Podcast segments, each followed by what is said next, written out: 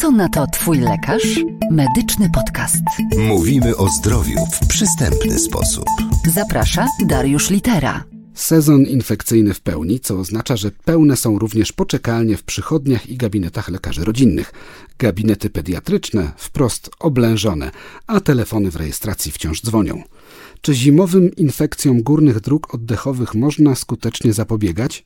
Jak rodzice powinni sobie radzić z przeziębieniami u dzieci? Czy każdy katar połączony z nieznacznie podwyższoną temperaturą wymaga pilnej wizyty u pediatry? Co radzi Twój lekarz? Dziś Twoim lekarzem jest dr Izabela Maderwołyńska, specjalistka pediatrii i nefrologii dziecięcej. Dzień dobry, pani doktor. Dzień dobry. Sezon infekcji rzeczywiście w pełni, ale infekcja infekcji nierówna. Zacznijmy więc od sytuacji, w której bezwzględnie powinniśmy zasięgnąć porady lekarskiej. Jakie objawy u dziecka wskazują na taką konieczność? Powiedzmy sobie tak. Większość infekcji, z którymi się teraz spotykamy, to są infekcje wirusowe. Potrzeba konsultacji u lekarza zależy troszkę od tego, w jakim wieku jest dziecko i jak sobie radzi z tym problemem mama. Zwykle większego wsparcia potrzebują młode mamy z pierwszym dzieckiem, malutkim dzieckiem, u których nawet nieznacznie podwyższona temperatura i objawy kaszlu mają prawo budzić uzasadniony niepokój i te mamy potrzebują takiego wsparcia pewnie częściej, nawet przy niewielkiej temperaturze. Mamy bardziej doświadczone, które już mają dzieci, mają doświadczenie, znają też te swoje dzieci i wiedzą, jak te dzieci chorują, czują się na tyle bezpiecznie, że są w stanie odczekać dzień albo dwa, obserwując czujnie swoje dzieci. Trzeba pamiętać o tym, że sytuacje są zawsze bardzo indywidualne. Każda sytuacja, która nie pozwala mamie kontrolować stanu dziecka w domu bezpiecznie, jest powodem, dla którego mama powinna się zgłosić do lekarza. Zawsze wysoka, niereagująca na leki przeciwgorączkowe, dobrze i w adekwatnych dawkach stosowane temperatura jest powodem do tego, żeby tej porady zasięgnąć. Jak wysoka temperatura? Bo to też są jakieś granice, prawda? Oczywiście WHO mówi, że 38,5 to jest jeszcze stan podgorączkowy.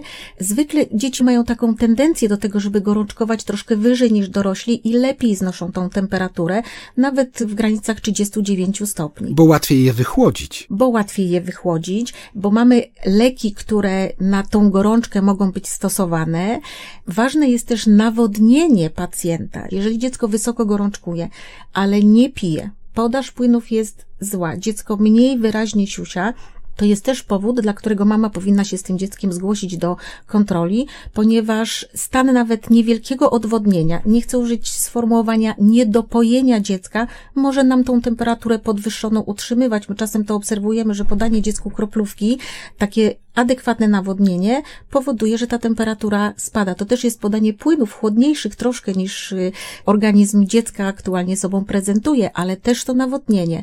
My mamy możliwości regulowania tej temperatury zarówno lekami przeciwgorączkowymi, jak i dodatkowymi technikami, które niektóre mamy znają i które z sukcesem y, absolutnie stosują. To są chłodne kąpiele, przypominam, nie zimne, tylko chłodne. Woda ma temperaturę stopień dwa mniej niż temperatura dziecka, czyli de facto to nawet dla zdrowego człowieka będzie letnia albo nawet taka ciepława kąpiel, ale dla dziecka ta różnica temperatur jest na tyle wyraźna, że powoduje obniżenie gorączki. To jest robienie okładów na większe grupy mięśniowe, na przykład uda, łydki, ramiona czy czoło, to też powoduje obniżenie temperatury i taką pewną kontrolę nad tą gorączką tych dzieci. Każda niepokojąca wysypka, która jest y, dla mamy wyraźnie inna niż bywają wysypki, bo dzieci przecież miewają wysypki alergiczne i związane z chorobami wirusowymi, ale każda wysypka, która jest żywo-czerwona i nie blednie przy ucisku, powinna być definitywnie powodem do natychmiastowego zgłoszenia się do lekarza. Bardzo ważny w tej sytuacji jest też wywiad związany ze szczepieniem dzieci. My troszkę inaczej traktujemy dzieci, które są szczepione zgodnie z kalendarzem szczepień, ale również mają szczepienia dodatkowe, rekomendowane, zalecane, takie, które chronią nas przed bardzo niebezpiecznymi chorobami, które się gwałtownie rozwijają i przebiegają często właśnie z wysoką gorączką. Bo niestety odsetek dzieci, które nie są szczepione zalecanymi szczepionkami, też się zwiększa. Niestety tak. Nawiązujemy tutaj do tematu szczepień absolutnie podstawowych, tych, które są zalecane i które wynikają z y, obowiązku ustawowego rodziców związanym z programem szczepień ochronnych. Niestety tych rodziców nam przybywa, rodzice rozdzielają szczepienia w sposób absolutnie nieuzasadniony z medycznego punktu widzenia. Też są dzieci, które chorują na choroby, których my się tak nie spodziewamy, biorąc pod uwagę typowy przebieg sezonowy infekcji u dzieci. Więc lekarz też y, musi być podwójnie czujny w takiej sytuacji, prawda? Nie może wykluczyć wielu chorób, które potencjalnie można by wykluczyć, gdyby wszyscy byli zaszczepieni. Tak. A co na to Twój lekarz? Pani doktor, co możemy zrobić jako rodzice, zanim dostaniemy się do lekarza? Jaki powinien być taki domowy standard postępowania w przypadku tych sezonowych infekcji? Bo wiadomo, dotyczą one nas wszystkich. Rodziców dzieci w każdym wieku dotyczy ten problem, bo wiadomo, że młodzi ludzie wymieniają się różnymi patogenami w przedszkolu, szkole oraz w żłobku i zdarzają się sytuacje, że całe klasy wprost zapadają na różnego rodzaju choroby infekcyjne. Jaki standard powinniśmy wdrożyć w domu? Bardzo ważna jest czujna obserwacja dziecka i znajomość objawów, które to dziecko sobą prezentuje, bo prawdopodobnie to nie jest pierwsza czy druga infekcja, która już nam się przydarza, szczególnie jeśli mówimy o grupie dzieci przedszkolnych czy szkolnych. Zawsze powinniśmy interweniować w taki sposób, który jest dla dziecka bezpieczny dziecko powinno zostać w domu, jeżeli ta infekcja jawi nam się jako potencjalnie zakaźna dla innych dzieci. Te dzieci powinny być izolowane w warunkach domowych.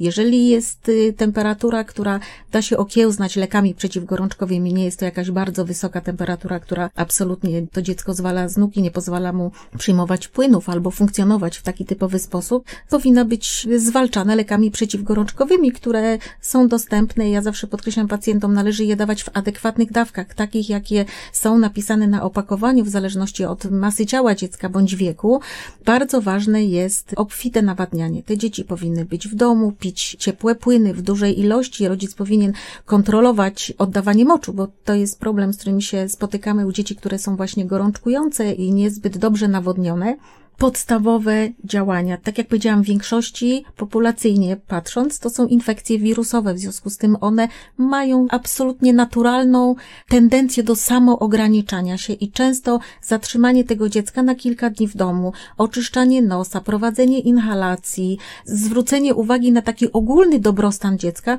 Oczywiście my korzystamy z takich wsparciowych działań, dajemy czasem preparaty ziołowe, immunomodulatory, które troszkę nam skracają skracają ten czas infekcji, ale rodzic może dużo zrobić w tym pierwszym momencie. Po pierwsze, właśnie zostawić to dziecko w domu, pochylić się nad jego nawodnieniem, odpoczynkiem, takim troszkę luźniejszym trybem życia, ale przede wszystkim izolowaniem od innych dzieci, bo problem, z którym się borykamy teraz, to jest to, że rodzice są w desperacji zawodowej i nie zawsze są w stanie zapewnić temu dziecku opiekę i albo chcą, żeby to dziecko chorowało krótko i szybko doszło do zdrowia, co nie jest możliwe. Infekcje mają swój naturalny przebieg i muszą trwać kilka dni, ale też posyłają regularnie dzieci, które nie są zdrowe do, do tych jednostek, które się tym dziećmi opiekują i potem się zdarzają właśnie takie pomory wielo. Całe klasy, całe które klasy czy całe grupy chorują. przedszkolne. Drastycznie spada frekwencja, nie ma jak wystawić ocen. Sytuacje są różne i skomplikowane. Jest jeszcze jedna kwestia z tym związana. Jak my w domu powinniśmy zorganizować nasze życie, by te infekcje jak najbardziej ograniczyć? Bo to nie tylko dziecko zazwyczaj choruje, ale te patogeny, te wirusy krążą nam w całym domu, więc y, tu też chyba powinniśmy mieć z tyłu głowy takie trochę zachowania jak w czasie pandemii częstsze mycie rąk, stosowanie nawet maseczki, jak przychodzi babcia czy ktoś taki, bo musimy pamiętać, że te wirusy są groźne nie tylko dla tego dziecka. Absolutnie tak. Ja uważam, że dzieci, które chorują, powinny być izolowane w ogóle w domu. To znaczy powinny być w jakimś osobnym pomieszczeniu. Oczywiście one nie mogą być zawsze same, ale chodzi o to, żeby osoba, która się tym dzieckiem opiekuje, miała na uwadze również swoje zdrowie. I ja często mówię rodzicom, proszę zakładać maseczki, jeżeli wchodzicie do tego dziecka, które kicha, kaszle i, i rozprzestrzenia te wirusy po całym pomieszczeniu, bo to dla państwa jest też ochrona. Ja nie jestem wielką zwolenniczką podsyłania chorych dzieci dziadkom, bo dziadkowie chorują bardzo poważnie na infekcje oddziecięce i czasem jest to trudniejsze leczenie niż tego małego dziecka, bo chorują poważnie. Rodzice często zresztą mówią, że dziecko przyniosło infekcję i teraz oni wszyscy są chorzy. Trzeba myć ręce, trzeba wietrzyć pomieszczenia. Pytanie o to powietrze, którym teraz oddychamy, ale wietrzenie, dobre nawilżanie pomieszczenia, nakażenia, pilnowanie komfortu termicznego. My przegrzewamy pomieszczenia, w których dzieci śpią i to jest bardzo złe dla śluzówek. Te śluzówki się są, wysuszają. bo się wysuszają, są podeschnięte i znacznie gorzej funkcjonują, nawet w stanie zdrowia, co dopiero w stanie, kiedy te dzieci są zainfekowane. Wszelkiego rodzaju takie dobre zachowania higieniczne mają tutaj absolutnie swoje miejsce, jak najbardziej. Na przykład e, zupełnie osobne ręczniki. W tym momencie, kiedy nawet to wytarcie po umyciu rąk, to jest bardzo ważne, żeby to dziecko miało ten swój ręcznik, ponieważ może się okazać, że my wszyscy od razu złapiemy tę chorobę. Oczywiście to jest na przykład taka sytuacja, wydaje się może bardzo prosta i taka trywialna, ale jeżeli dziecko kicha i czyści nos, to powinno mieć swój kubeł z woreczkiem foliowym, gdzie te chusteczki lądują i dosyć często jest ten pojemnik wymieniany, bo po prostu te wirusy tam bytują. Jeżeli to jest wspólny pojemnik, który każdy otwiera i każdy tam wrzuca swoje śmieci, nie jest to z punktu widzenia takiego higieniczno-epidemiologicznego dobre. A co na to twój lekarz? Kiedy na recepcie powinien pojawić się antybiotyk, bo wiadomo, że infekcje wirusowe, no to tego antybiotykami nie wyleczymy, ale zdarzają się infekcje nadkażone, po prostu infekcje bakteryjne, których, jak słyszałem ostatnio, przybywa.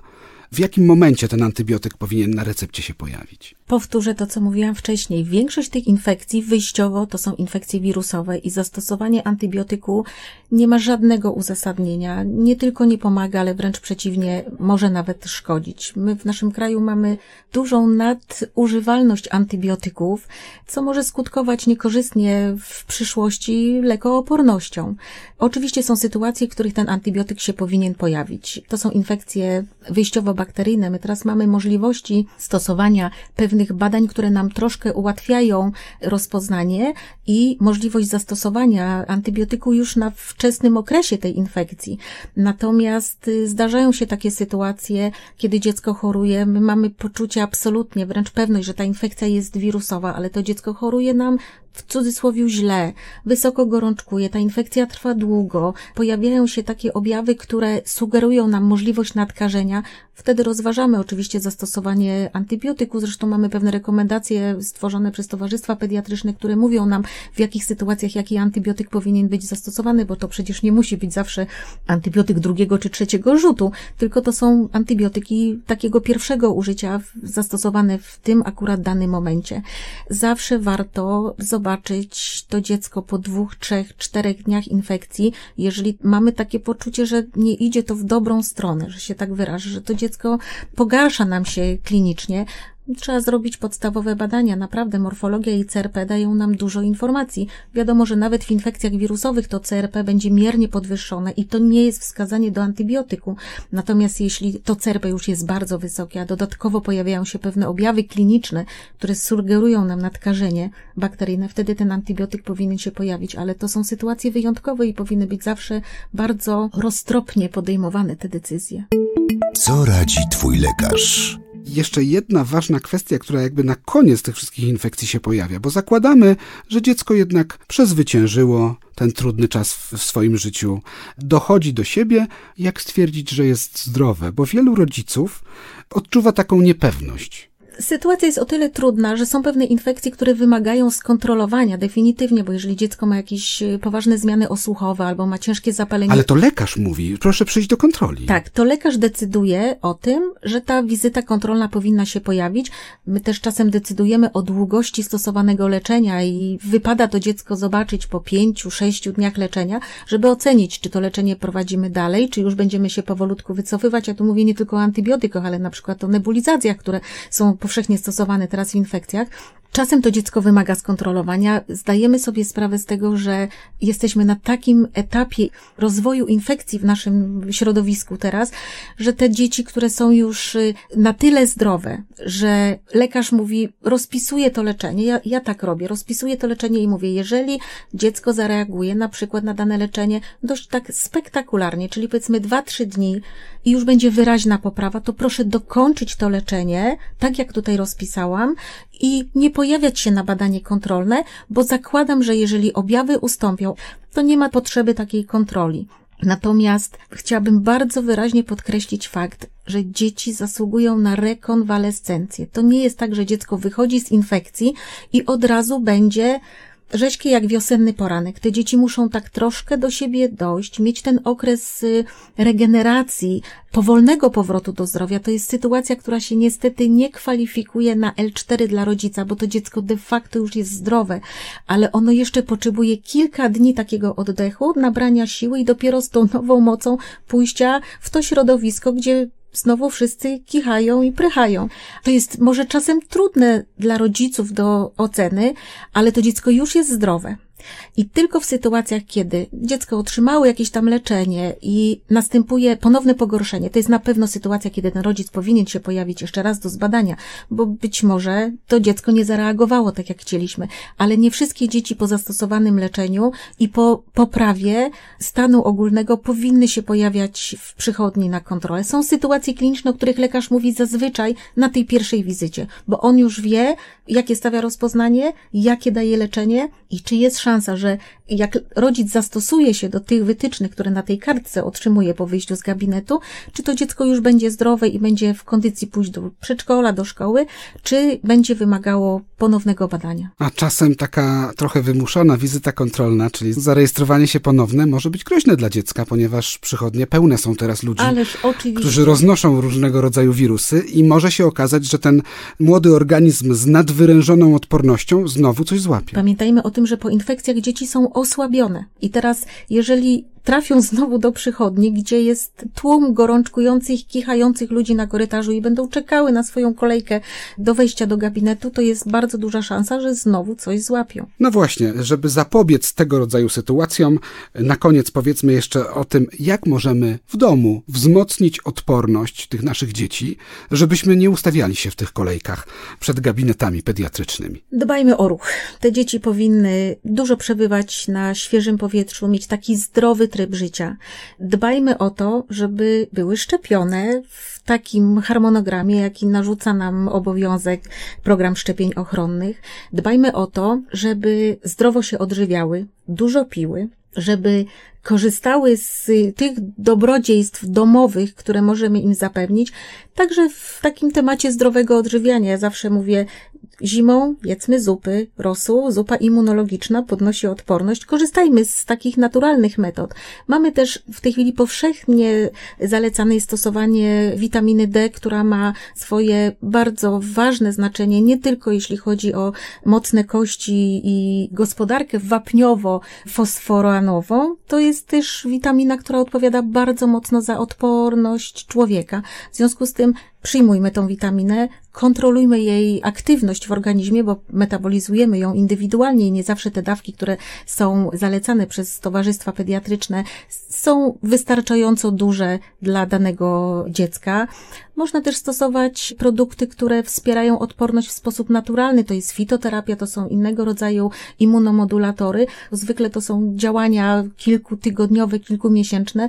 Też mają możliwość wsparcia układu odpornościowego. No i na co dzień chyba te podstawy, czyli ta higiena i chronienie się przed zakażeniem. Absolutnie tak. Naszym gościem była dzisiaj dr Izabela Mader-Wołyńska, specjalistka pediatrii i nefrologii dziecięcej. Bardzo dziękujemy pani doktor. Dziękuję serdecznie. Co na to twój lekarz? Wszystkie odcinki medycznego podcastu dostępne są na stronie twójlekarz.net oraz na popularnych platformach streamingowych. Co tydzień nowy odcinek.